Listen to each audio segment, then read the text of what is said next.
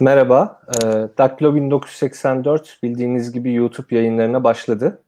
E, şu an birkaç tane programımız var. E, yakında da birkaç programımız Merhaba, daha gelecek. E, Daktilo 1984 bildiğiniz gibi YouTube yayınlarına başladı.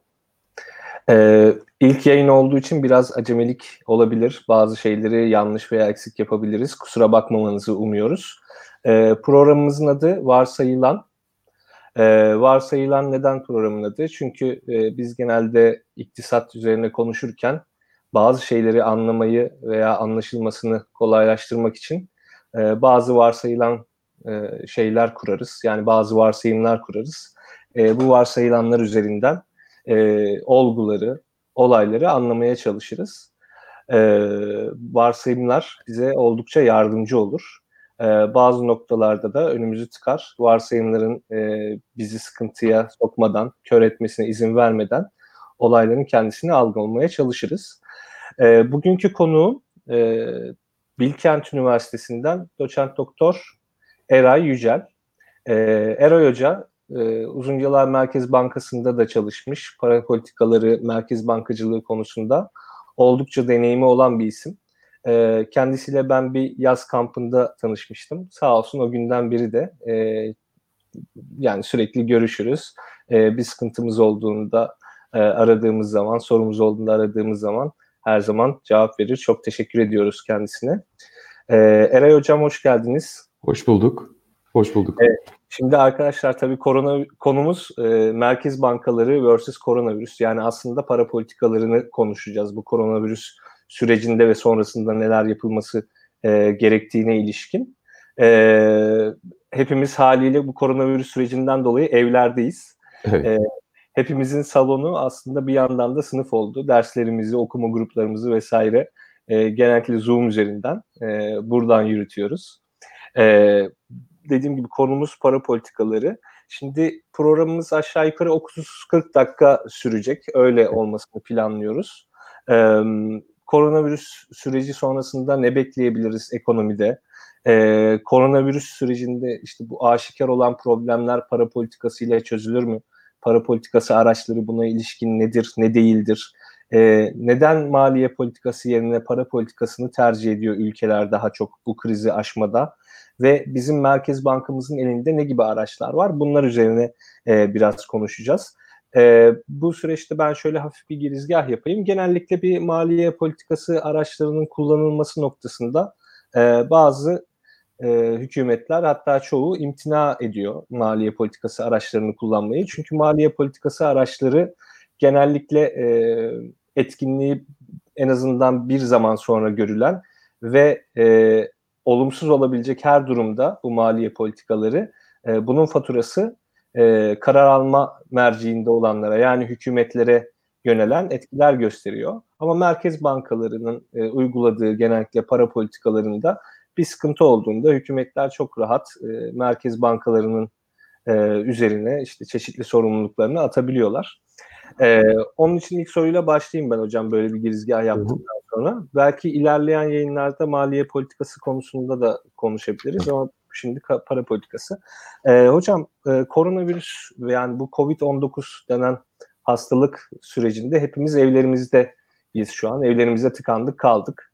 E, bu süreçte tabii işveren durdu, işçi durdu çoğu anlamda. E, okullar işte tatil oldu. E, hem talep noktasında hem arz noktasında bazı sıkıntılar yaşanıyor. E, bu süreçte biz ekonomik açıdan ne beklemeliyiz? Yani ekonomi e, ne yöne doğru gider? E, nasıl e, gelişmelere gebe önümüzdeki günler biraz kısaca bahseder misiniz? Ben önce e, teşekkür ediyorum davetiniz için. E, yani Enes hocamla tanışmak her zaman e, hayatımda şans olarak gördüğüm şeylerden biri. O zamandan beri sohbetimiz sürdü.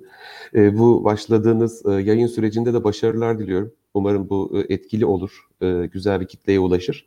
Umarım. Ee, şimdi e, bu koronavirüs e, süreci başladığı zaman e, aslında dünyanın pek çok yerinde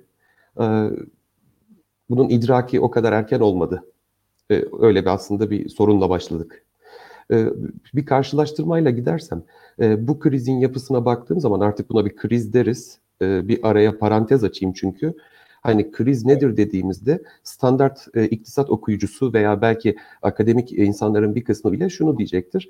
Hani e, dövizin işte seviyesinin fırlaması veya işte finansman maliyetlerinin aşırı artması veya aktivitenin çökmesi bunların herhangi bir kriz tanımı e, olabilir sıradan bir bakış açısıyla.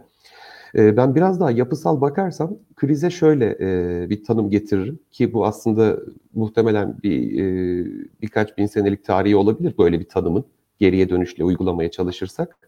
O da e, mevcut araçlarla eğer bir problemi e, yeterince kısa sürede etkili bir şekilde çözemiyorsanız içinde bulunduğunuz şey krizdir. Yani bu aslında e, sistem anlamında baktığımız zaman ya da yönetişim kültürü anlamında baktığımız zaman e, önümüzdeki probleme hızlı etkili çözüm ulaştırma kabiliyetinin olmadığını bir anlamda e, aslında şey itiraf etmek demek. Ki ülkeler bunu itiraf ettikleri zaman çözüm bulmaya başlıyorlar. Şimdi bu parantezi kapatayım müsaadenizle. E, bir evvelki hani küresel çaptaki krizi düşünürsek 2008-2009 bu Lehman krizi ve sonrasını e, bir karşılaştırmayla gitmek güzel olabilir. Orada e, finansal merkezlerden birinde başlayan bir çökme, bir erime ile her şey tetiklenmişti ve onun bulaşmasını beklemiştik uzunca bir süre. Atlantik'i aşmasını, Avrupa'ya gelmesini, daha sonra gelişmekte olan ülkeleri vurmasını. Sonra bunu gördük bir, bir buçuk sene zarfında. Sonra çözümler üretme e, gayretleri oluştu. Tartışmalar, sistem tartışmaları hatta biraz eleştirel anlamda sistem tümden yanlış. İşte kapitalizmi tartışalım e, şeklinde belki yönelimler. Ki bunların hepsinin kendine göre haklılıkları var bilimsel açıdan baktığımızda. Öyle bir e, süreç yaşadık orada. Şimdi burada baktığımızda tüm ülkeleri hemen hemen aynı anda vuran, abartmayayım ama tüm ülkeleri hemen hemen aynı anda vuran dışsal bir şoktan bahsediyoruz aslında. Evet. Dolayısıyla e, bir kısa vadeli etkileri var bu krizin. Şu anda içinde bulunduğumuz şey o. Yani arkamda vitrini görmeniz demek. Bu öğrencilerim de benim bunu haftada 14 saat görüyorlar. E, çünkü internet kablosu buraya kadar uzuyor mesela. Belli imkansızlıklar var. Ama kendi imkansızlıklarımı abartmak istemem bizim haricimizde e, çok daha zor şartlarda cansiperhane bir şekilde çalışan e, bir kısım e, insanlar var ki bu insanların emekleri ve e, fedakarlıkları hani yatsınamaz. Hani oraya da öyle parantez açmak belki lazım. E, bu arada ben de acemisiyimdir canlı yayın olayını çok konuşursam susturun siz beni.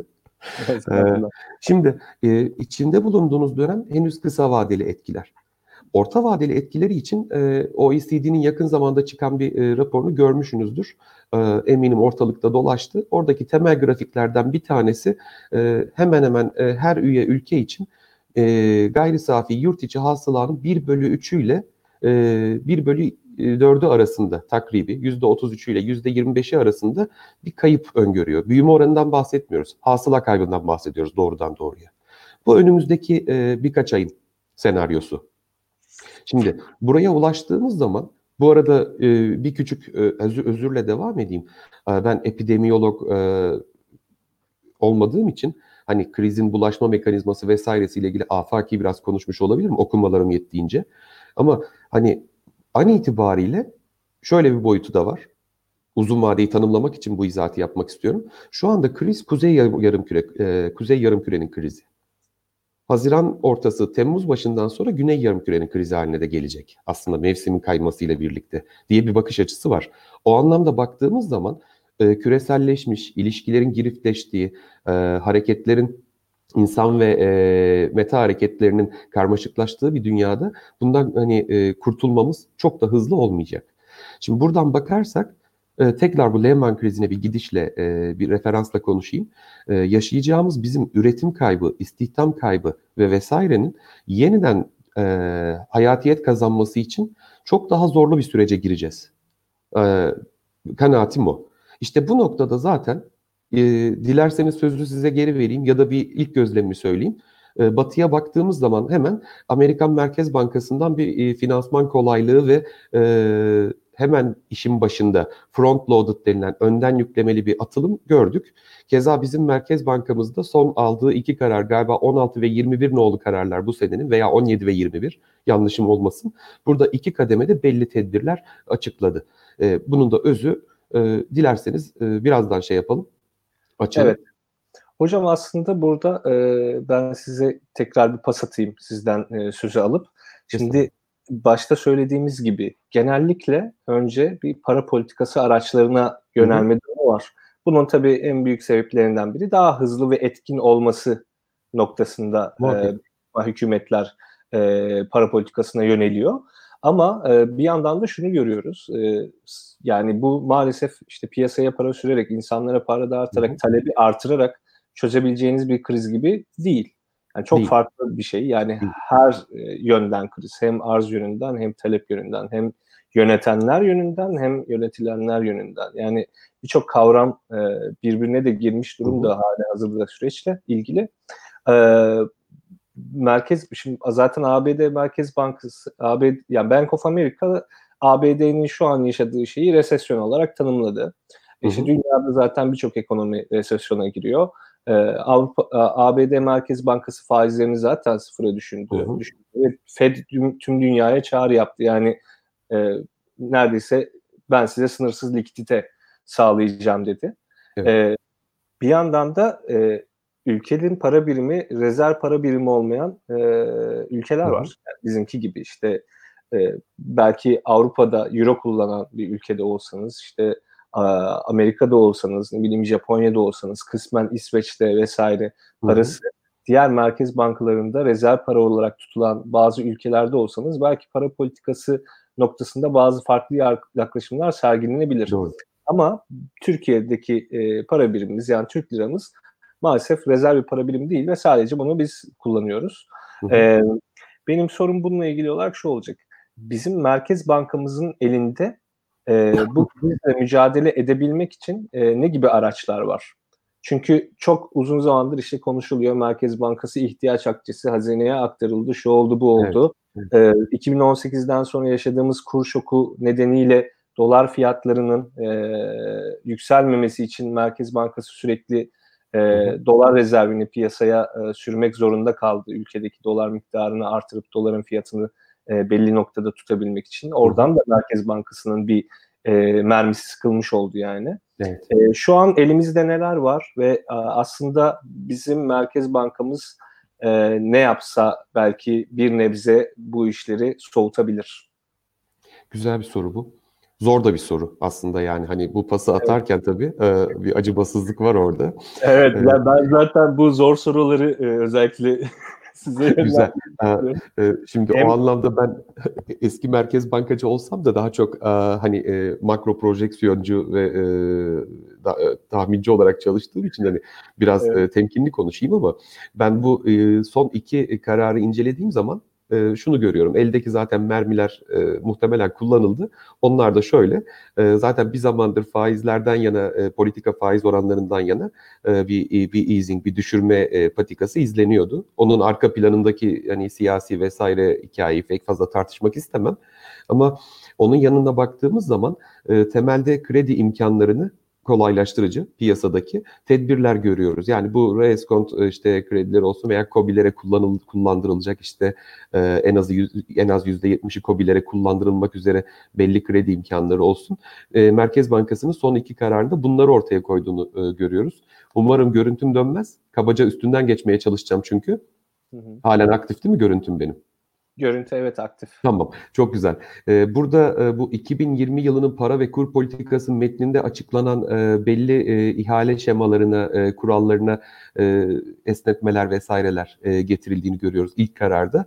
Bu kararın tarihi 17 Mart. Ee, onu mütakip korona e, kararı diyelim adını. Oradaysa belli ilave kararlar var ve burada özellikle bir beşinci madde var. Temelde krediler üzerinden gidiyor. Ee, bu krediler için işte Exim Bank dışındaki bankalar aracılığıyla kullanılacak kredilerin işte asgari %70'inin COBİ'lere tahsis ettirilmesi, firma bazında azami, azami kredi tutarlarının e, belirlenmesi, kredi imkanından faydalanacak banka e, veya işte kurum sınıflarının belirlenmesi gibi belli bir yapı var. E, yalnız mesela e, bizim Merkez Bankamızın e, hali hazırda zannediyorum çok fazla girmeyeceği bir e, oyun var. O da e, bir anlamda toksik hale, toksik kelimesi belki iyi değil burada ama e, değersizleşen veya piyasası e, etkililiğini kaybeden varlıkların e, Merkez Bankası bünyesine alımını belki düşünmek söz konusu e, olabilirdi. Bu ancak dolaylı olarak geliyor karşımıza. Yalnız bunun için e, Merkez Bankası'nın tabiatıyla e, iyi bir e, bilanço aslında yapısı olması lazım. Şimdi az önce söylediğiniz akçenin devredilmesi ve sair şeyler, e, uygulamalar sayesinde son e, bir, bir buçuk sene zarfında e, belli tabii kurşunlar, belli mermiler e, ortadan kalktı. Bunu söyleyebiliyoruz. Şimdi ben burada e, sorudan kaçınmaya çalışmayayım bu arada ama şöyle bir kapı açayım müsaadenizle. E, Batı dünyasına özellikle baktığımız zaman hani esnek veya klasik enflasyon hedefleyen bir merkez bankası, onun belli ölçüde özerk olması, onun iyi bir yönetişim çerçevesinde, e, bu kelimeyi seven de var, sevmeyen de var ama bugünlük iyi galiba bu, e, iyi bir yönetişim çerçevesinde siyasi iktidarlarla e, bir alışveriş, daha doğrusu teknik bilgi alışverişi içinde belli bir koordinasyon ama e, çok baskıcı bir koordinasyon değil. Böyle bir şeyin içinde ol, olması gibi durumları gözlüyoruz. Yahut e, aslında siyasi erklerin dünyada harcama yetkilerini kullanırken e, demokratik tabii memleketlerden e, ben özellikle bahsediyorum. E, buralarda e, her halükarda batıya gittiğimizde en azından kıta Avrupa'sına gittiğimizde bir sosyal devlet mefhumuyla motive edilmiş kriz durumlarında e, halkı rahatlatıcı tedbirlere belli kaynakları öncelikli olarak aktarmak gibi davranışlar görüyoruz. Ama şeyi biliyoruz tabii. E, Merkez Bankası para bastığında nasıl enflasyona sebep oluyorsa e, belli bir mantık e, belki benzerlik kurmayalım ama e, maliye politikası araçlarını da belki lüzumsuzca veya sorumsuzca bir serbestiyetle kullanmak orta uzun vadede bu sefer finansman sıkıntılarını gündeme getiriyor. Yani dünya evet. normale dönerken acaba her şey normale dönecek mi sorusunu gündeme getiriyor.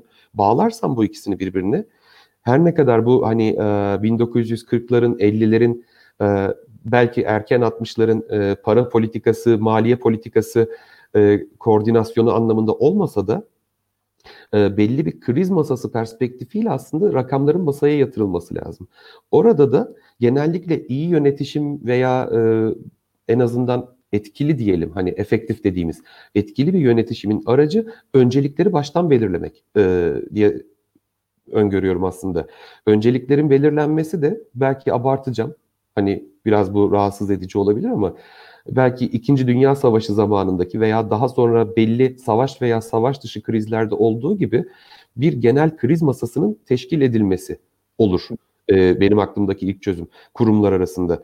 O kriz masasıyla ilgili yalnız ben bir fotoğraf görmüş olmak açıkçası isterdim. Hani burada müthiş bir eleştiri yapmak falan e, gayretinde değilim ama e, kriz masası dediğimiz şey oldukça yetkin kurum uzmanları e, ve onların bir örüntüsü var Türkiye'de. Aslında kurumsal kapasite e, olabildiğince yetkinliğe sahip e, ve oradan çıkacak bir e, ilk beyaz rapor e, olabilirdi karşımıza çıkacak. Orada bir şeyleri görebilirdik. Bence bu e, özellikle strateji geliştirme veya en azından kısa vadede taktikler geliştirme açısından mühim. Evet, yani ben buna aşırı derecede katılıyorum. Yani Türkiye'nin gerçekten bu anlamda çok yetenekli e, insanları var. Uzun yıllar siz de zaten e, benzer yani Merkez Bankası'nın içinde bulunduğunuz büyük ihtimal e, hazineyle vesaireyle de çok ciddi temaslarınız olmuştur. Aslında bu kapasite var. E, tabii yani şunu demiyoruz aslında hiçbirimiz. E, sizin de onu dediğinizi düşünmüyorum. Ya yani böyle bir krize hiçbir yer hazırlık değil. Yani böyle bir krize zaten hiçbir merkez bankası, hükümet, devlet e, bunların hazır olması mümkün değil. E, ama en azından biz e, ben geçen başka bir yayında da söylemiştim. Anladığım kadarıyla biz biraz kötü yakalandık bu krize. Evet. Biz e, daha farklı metotlar izleyerek e, daha sağlam bir e, maliye politikasına sahip olarak e, daha bundan daha öncesinde bu para politikası araçlarını biraz da e, belki lüzumsuzca diyebileceğim şekilde kullanmayarak e, bu kriz sürecinden biraz daha rahat çıkabilirdik diye düşünüyorum açıkçası. E, şimdi hocam biraz da şeyden bahsedebiliriz. E, bu tabii e, daha böyle teknik kısmına girmedik işin. E, yani çok da teknik bir şeyler konuşmak zaten istemiyorum. E, Merkez Bankamızın elinde e, dediğim gibi ne gibi araçlar var? Aslında şeyler var. Şimdi faizleri düşürme imkanı var. Ama e, en nihayetinde bu bir talep artışına neden olacak mı olmayacak mı belli değil. E, acaba şöyle şeyler konuşuluyor. Şimdi Fed e, yani Amerika'da konuşulan şey e, iki tane platin coin gibi bir şey basalım işte birer trilyon dolar olsun ve Merkez Bankası bunu işte satın alsın. Hazineye böyle gelir sağlayalım vesaire. Ama e, şey farkını bir daha vurgulamak istiyorum. Yani rezerv para ve rezerv olmayan para. Olmayan para. Evet. Yani biz rezerv olmayan bu para birimimizle e, Türkiye içerisinde enflasyonları çok çok yükseltme, yükseltmeden bir şeyler yapabilir miyiz? Ya da para politikası araçlarını yine e, biraz böyle hoyratça kullanıp o 90'ların enflasyonist ortamına mı döneceğiz acaba? Belki e, tüm dünyada böyle bir trend olabilir bu e, krizden sonra veya hı hı. Türkiye içinde konuşabiliriz. Böyle bir risk var mı sizce? Yani bir enflasyonist ortama dönme riski var mı çözümü para politikasında aradığımız sürece? Bu yine zor sorulardan bir tanesi. Şimdi aynı anda bütün ülkeleri vuran kriz ama asimetrik vuruyor dediğiniz evet. gibi rezerv parası olan veya olmayan e, gibi. Keza rezerv parası özür dilerim olmasa da bir ülkenin Türkiye'deki gibi özellikle son e, yakın geçmişte e, Amerikan e, hazine tahvillerinin tutulma oranı eğer azalıyorsa uluslararası belli imkanlardan mesela faydalanma şansınız daralıyor. O swap kanalları gibi veya diğer şeyler gibi. Şimdi e, bizim bu e, yani e, 90'larda yaşadığımız enflasyon döngüsü kronik yüksek enflasyon dediğimiz bir döngü idi. Hani burada bahsettiğimiz şey temelde %60 ile belki 90 puan arasında seyreden yıllık e, belki bir iki kriz döneminde 94'te olduğu gibi veya başka bir tanesinde e, yer yer belki %100'ü biraz geçen bir yıllık enflasyon rakamından bahsediyorsanız ve bu durum kendini tekrarlıyorsa, üretiyorsa işte kronik yüksek enflasyonlu bir hale geliyorsunuz. E, biz onu yaşadık. E, en azından çocukluğumuzda. E, onun haricinde hiperi yaşamadık ama hiper enflasyon dediğimiz hani 3-4 taneli rakamlara e, şahit olmak gibi bir talihsizliğimiz olmadı. Şimdi e, bu dönemde e, faizlerin düşürülmesinden hani mütevellit bir talep artışı beklemek e, belirgin bir talep artışı beklemek çok yerinde olmayabilir. Yani bunu ya özel tüketim ya özel yatırım harcamaları üzerinden bek- e, yapmamız lazım. Bu beklentiyi geliştirmemiz lazım. Ki ikisinin de e, çok artmayacağını düşünüyorum. Yani yatırımların artmayacağını düşünmemin nedeni evvela krizin öncesi halimiz. Şimdi hangi başlangıç koşullarıyla yakalandık dersek biz aslında krizden önce e, işsizliğin düşük olduğu, üretimin e, çok güzel bir tempoda seyrettiği, e, finansal anlamda kırılganlıklarımızın az olduğu bir ortamda değildik. Aslında biz e, hani inşaatla büyüdüğümüz birkaç senelik bir devrenin sonrasında ki o dersi de zannediyorum beraber dinlemiştik biz. Yine e, Mustafa Hoca'nın vurgusuydu. E, yurt içinde, yurt içi dinamiklerle inşaat üzerinden büyüdüğünüz zaman ekonominizi uzunca bir süre belki büyütüyorsunuz birkaç sene boyunca. Ama e, açıkçası ödemeler dengenizde belli kırılganlıklar yaratıyorsunuz. Çünkü döviz toplayıcı, döviz getirici aktivitelerden yana bir yumuşak karnınız oluyor. Evet. Sonra soft landing dediğimiz bir yumuşak iniş yapmaya çalışıyorsunuz. Ama bu yumuşak iniş dönemi de maalesef bambaşka talihsizliklerle el ele gidiyor. Onun ardından ekonomimiz nereye gidiyor gibi bir kaygı içindeydi herkes. Ocak ayına bakarsak. Yani ilk vaka falan ortada yok iken ya da geçen sene Aralık diyelim. Çok fark etmez. Ee, Öyle bir haleti ruhiyedeyken e, bu ülkenin ekonomisi veya insanları biz buna yakalandık. Şimdi dolayısıyla aslında e, referans noktamız hani e, büyük bir enflasyon korkusu olmayabilir belki evet. benim gözümde. Ama e, her halükarda şey olabilir. E, finansal piyasalarda ihtiyacı olana ve kritik önemdeki belli kurumlara öncelik verilerek belli kaynaklar aktarılması ki Merkez Bankası faizleri düşürerek veya kredi kanallarını açarak bunu yapıyor ilk etapta. Tabii e, Amerikan Merkez Bankası gibi sıfıra çekemeyecek. Bizim pratik sıfırımız sıfırda değil çünkü. Birkaç puanlık bir pozitif bizim için sıfır. Henüz orada değiliz ama. Maliye politikasına baktığımız zaman da bununla belki iletişim halinde olmak kaydıyla e, şunu belki önceliklendirmesi gerekiyor. Evvela hangi şeyleri yapmalıyız? Hani altyapı yatırımlarımız devam mı etmeli? Buna dair harcamalar. Yoksa e, öncelikli olarak etkilenen sektörleri mi tespit etmeliyiz? Mesela hangi sektörler en çok etkilendi? Hizmetler sektörü ilk etapta bariz bir şekilde etkilendi evlere kapandığımızda. Ama mesela e, bu e, hani kusura bakmayın İngilizcesini söyleyeceğim. Bu fast moving consumer goods dediğimiz şeyler e, yani evimize aldığımız bugünlerde o ne derler çamaşır sularından e, makarnaya kadar her ne aklınıza geliyorsa bunların aşırı hareketlendiği bir birkaç hafta yaşadık ki halen de öyle sayılır.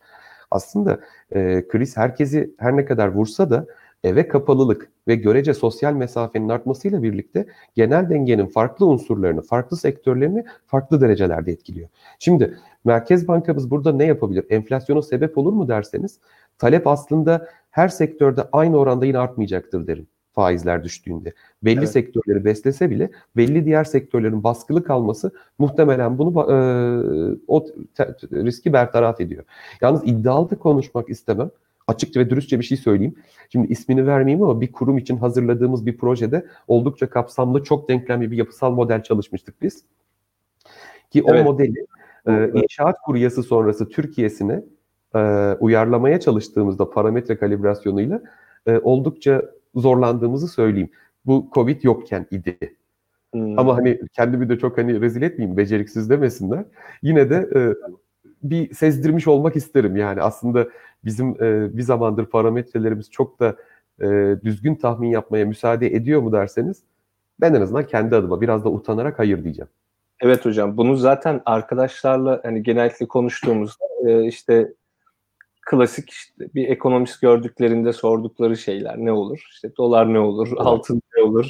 İşte ekonomi ne olur? İşte ne olacak bu memleketin hali?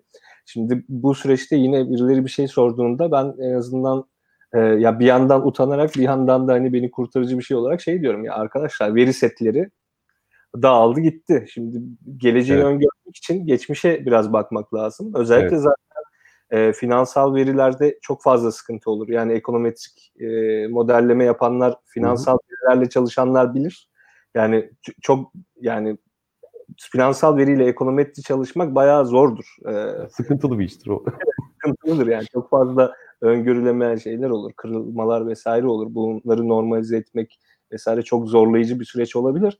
Ee, üstüne bir de böyle çok büyük bir şok geldi. Yani herhangi bir krize benzemeyen çok daha farklı bir şok geldi. Artık e, yani bir şeyleri tahmin edebilmek çok daha zor hale geldi.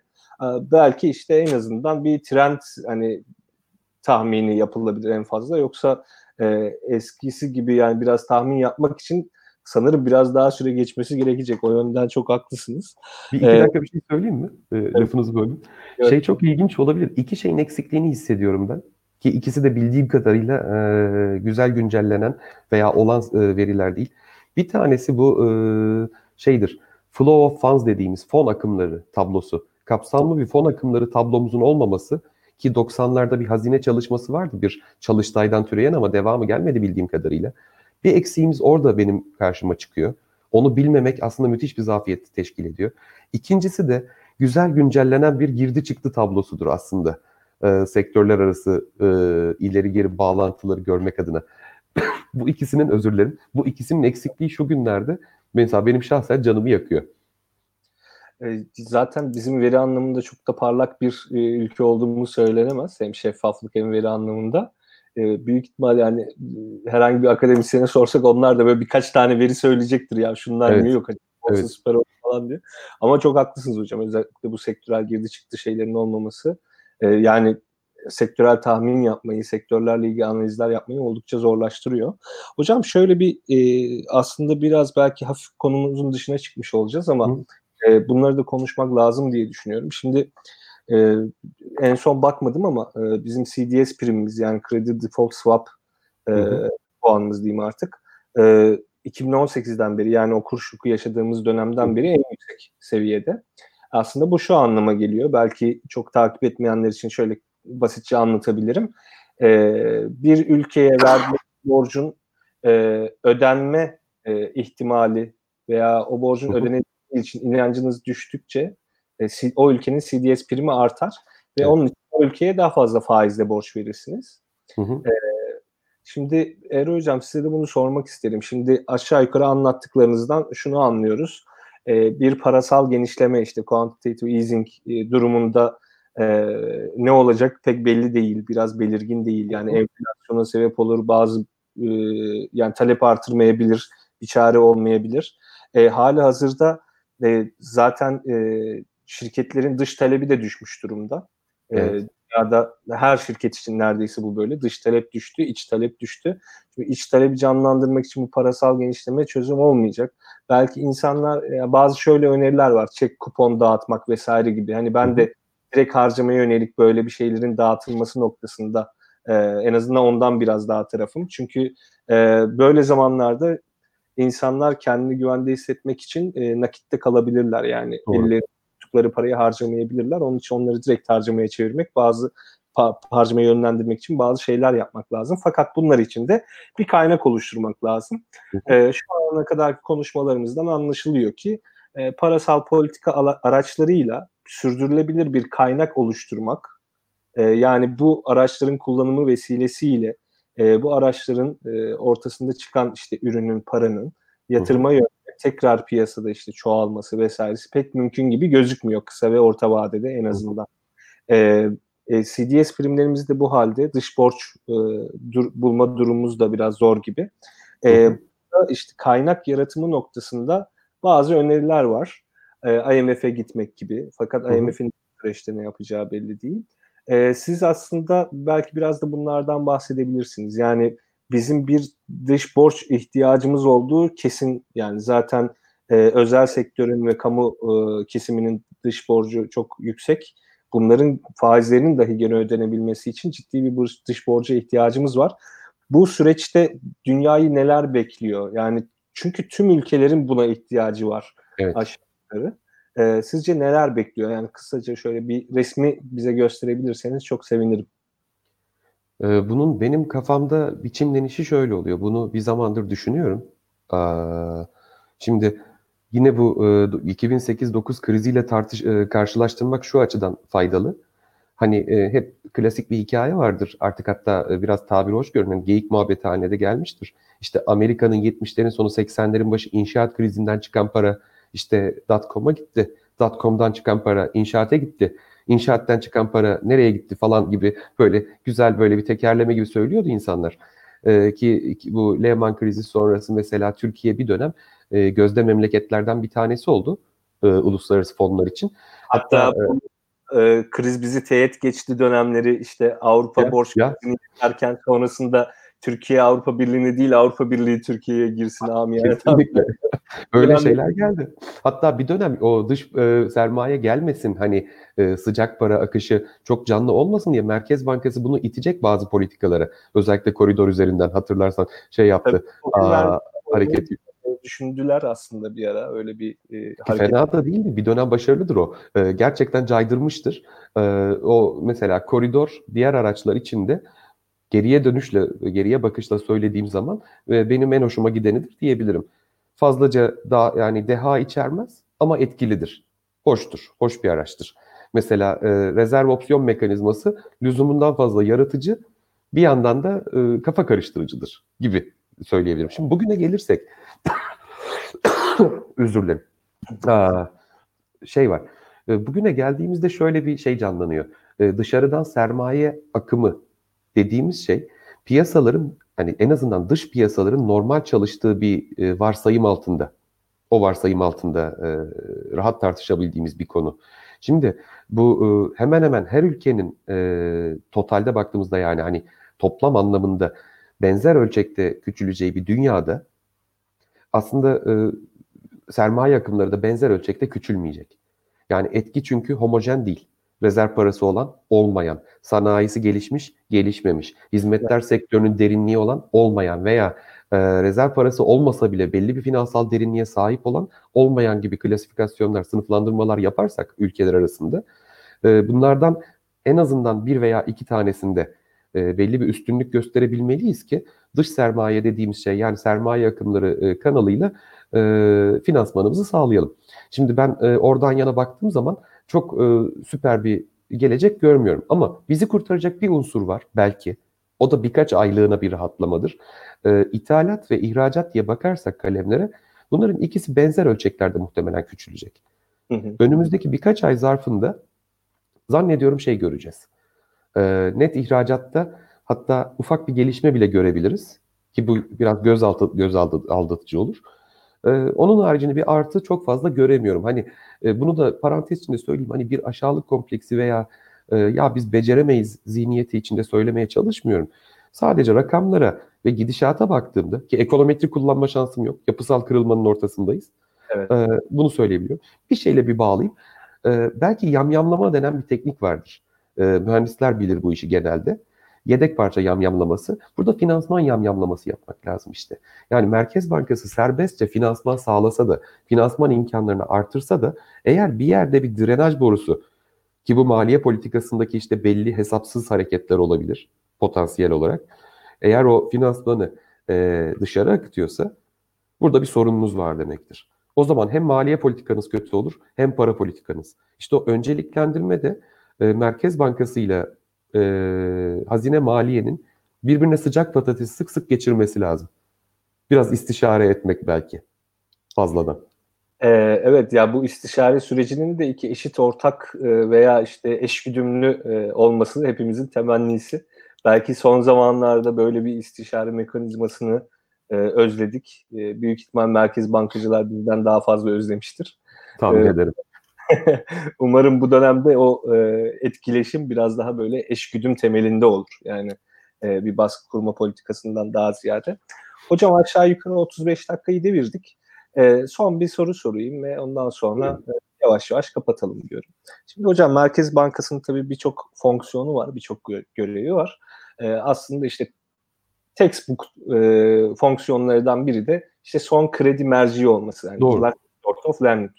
E, en nihayetinde ortada bir şey varsa yani kredi veremiyorsa kimse Merkez Bankası'ndan bir kredi musluğunu açmasını, orada bir şeyler çalıştırmasını e, bekleriz e, diye bir e, şey söyleyebilirim. Yani böyle bir Doğru. fonksiyon var. Şimdi e, konuşulan şeyler de genellikle şu hani şirketlerin ş- Türkiye'ye baktığımız zaman aslında Türkiye'nin dış borç desenine özel sektörün dış borcu e, kamu sektörünün dış borcundan daha Hı hı. yüksek. Aslında Doğru. çoğu zaman bu biraz tersiydi. E, genellikle kamu kesiminin dış borcu özel sektörden yüksek olurdu. E, şimdi belki normalde olması gereken şeye biraz daha döndük. Ama e, baktığımızda çok yüksek bir dış borç oranı var toplamda. Evet. E, yani şirketlerin kurtarılması noktasında yani bu bailout mekanizmalarının e, işlemesi noktasında da e, genellikle şöyle bir şey söyleniyor. İşte hazine e, şirketlerin borçlarını satın alsın. Yani şirketlerin borçlarını alsın, riski üstlensin. E, bunun da büyük ihtimal kaynağını işte Merkez Bankası'nın Doğru. kredilerini kullanarak yapacak. Doğru. Merkez Bankamız bunu yapabilir mi? Yani hazineyle eşgüdümlü olarak e, tabii bu bir siyasi karar en nihayetinde. Doğru. E, burada belki daha e, şeffaf bir şekilde hangi şirketlerin e, kurtarılacağına ilişkin e, belki Hı hı. bazı kriterlerden söz edilebilir. Hem bu kriterlerden hem de işte Merkez Bankası'nın bu son kredi merci fonksiyonundan, olması fonksiyonundan e, hı. biraz bahseder misiniz? Orada nasıl bir e, düzen işleyebilir? Bu güzel bir soru. Zorlardan bir tanesi. Ee, ama bir ara e, sağ olsun bizim sevgili Ref- Refet Hoca'nın da üstüne konuştuklarından bir tanesidir. Ee, Evet. Aslında şey var. Bizim bu Bu ya bu şu krizin ortasında hocam yani herhangi kimse için herhangi bir kolay soru kesinlikle doğru doğru. Ne yaparsak yapalım zor soru olacak. Çünkü dediğiniz gibi yapısal kırılmalar yaşanıyor. doğru. her yer- Hepsi aynı anda. Yani bir şey Ha, bu şey yani. gibi, hani doktora yeterlikte böyle gıcıklığına sorulacak 50 puanlık soru gibi olabilir bu. bir anlamda evet. Ee, bana yapmamak hocam lazım öyle şeyler de. e, Yapmamak lazım. e, Şimdi ilk Merkez Bankası'nın e, kuruluş tarihini sormuştu e, bir tane hocamız. Evet Allah'tan bilmiştim. E, çok iyi. o günleri hatırladım biraz. Buyurun hocam lafınızı kestim. Estağfurullah. Şimdi şey var, e, bizim e, uzunca bir süre aslında şey e, konuşmuştuk hatırlarsanız. Bu koronadan falan çok çok önceydi. Uluslararası yatırım pozisyonu hani verisinde özel işte şeylerin, kuruluşların, banka dışı daha doğrusu diyelim, e, banka dışı e, ya da finans dışı özel sektörün özür dilerim, e, yurt dışı e, yükümlülükleri vardı. Bir dönem bu hatırlarsak ayyuka çıkmıştı. Sonra belli bir dönem aslında bir ürküntü, bir düzeltme hareketi yaşandı. O düzeltme hareketi esnasında da aslında bir kısmı bunun eridi. Ama hala masif ölçekte bir şey var. E, rakamı ezbere hatırlamam genelde. Ama bir dönem bir kaba taslak hesap yaptığımızda şöyle bir şey çıkıyordu mesela. Lafın gelişi. Eğer burada e, işte 270 işte milyar dolardan bahsediyorsanız bunun kazayla beşte biri default ederse, ödenemezse sizin bir anda 54 milyar dolarlık bir açığınız olur özel sektör ayağında. Ülke kredibilitesini korumak için bu 54 milyar doları bir şekilde siz e, zamanla kamu borcuna çevirirsiniz. Bu şirketleri ya bankalar vasıtasıyla kurtarırsınız ya hazine kanalıyla kurtarırsınız. Ama her durumda Merkez Bankası'nın hem bu lender of last resort'u, nihai kredi merciği devreye girer hem de ona mukabil hazine yükümlülükleri oluşur. Hani burada e, hemen hemen hikaye aynı. Hatta bir dönem öyle bir görüş de ortaya çıktı. Eğer bu Türkiye'de bilinmedik bir kriz tipi yaratırsa en güzeli hazinenin uhdesinde bunu, hazine ve maliyenin e, bildiğimiz bir krize dönüştürelim. Göğsümüzde yumuşatalım tabiri caizse. Ondan sonra çözelim gibi bir fikir vardı. Şimdi e, bunları yapmak mümkün. Yani kağıt üzerinde bunu tasarlamak hemen her zaman mümkün. Yalnız sıkıntımız yine şurada ortaya çıkıyor. Nasıl bir önceliklendirmeyle? Selektif mi değil mi? Eğer selektifse seçici politika uygulanacaksa orada siyasetin rolünü, parti siyasetinin özellikle ne derece baskılayarak veya baskılamayarak, nasıl bir vadede ve ne derece bir iyi niyet çerçevesinde uygulamak lazım gibi belli prensipleri önce ortaya koymak gerekiyor. Zannediyorum ülkeler bu tip kararları, siyasi aklar, başta sizin söylediğiniz şeydi bu, almakta bir miktar sıkıntı yaşadıkları için, çünkü onun size ödetilmesi riski her zaman var sandıkta, önce bir gözler merkez bankalarına dönüyordu. Ve bir de merkez bankaları biliyorsunuz hemen her zaman geç hareket etmekle suçlandıkları için 29 buhranından beri işte Lehman'da olabildiğince hızlı hareket ettiler. Şimdi muhtemelen oradan gelen bir refleksle hemen zaten e, harekete geçip e, yapabilecekleri şovu veya işte a, krize karşı tedbirleri aldılar. Şimdi öteki soru hazineyle bir şeyleri kurtarmak, hazine e, vasıtasıyla. Bu mümkün.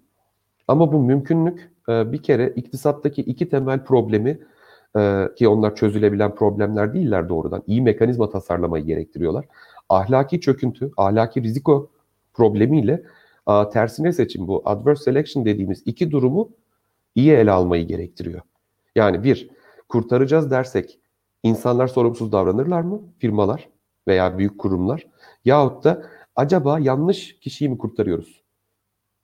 Bu iki sorunun cevabını felsefi anlamda ve uygulama anlamında verebiliyor durumda isek bence yapmamak için de bir sebep yok. Tasarlayamamak için de. İstişareye dönersek ama o benim bugün üç kere kullandığım bir şey oldu. Siz de iki kere dile getirdiniz. O teknik istişare o ayrı problem. Evet. Ya, o konuda ben de konuşmamayı tercih edebilirim. Hani zaten e, yani dediğim gibi bu bu, bu süreçte alınacak birçok karar yani neredeyse tüm kararlar siyasi kararlar. Hı hı. Siyasi kararlar üzerine zaten çok da konuşmanın bir anlamı yok yani şu günün Türkiye'sinde. Hı hı. Ee, en nihayetinde elimizde ne gibi araçlar var vesaire bunları e, bilmemiz bile bizim için yeterli geldi. Hocam e, ben katıldığınız için çok teşekkür ederim. Sağ olun. Eklemek ben de davetiniz için. Valla ben e, önce kalan yayınlarınızda başarılar diliyorum. E, umarım evet. güzel olur. E, güzel bir seri geliştirirsiniz. Başka bir konuda yine hani oturma belki sohbet etme şansımız olabilir. Bilemiyorum. E, bunları kademe kademe belki açmak lazım. Şu günlerde bir şey söyleyeyim. E, aklımda canlanan hani her defasında bu genelde sosyal medyada çıkan bir şey var. Hani ya siyaseti bir tarafa bırakalım, öyle bakalım gibi bir şey çıkıyor ya. Evet. Bunu biraz fazla yapmayalım parti siyasetini biraz bir kenara bırakalım ama e, düşünüş biçimlerimiz bize yol gösteriyor aslında. Yani konservatif olsun veya liberal olsun e, bu eksende insanların kendilerini nereye konumlandırdıkları, ne söylediklerini belirliyor. Yeter ki yalnız aynı masa başına, rakamların başına oturduğumuzda e, biraz iyi niyetle ve hani dirayetle çalışma şansımız olsun.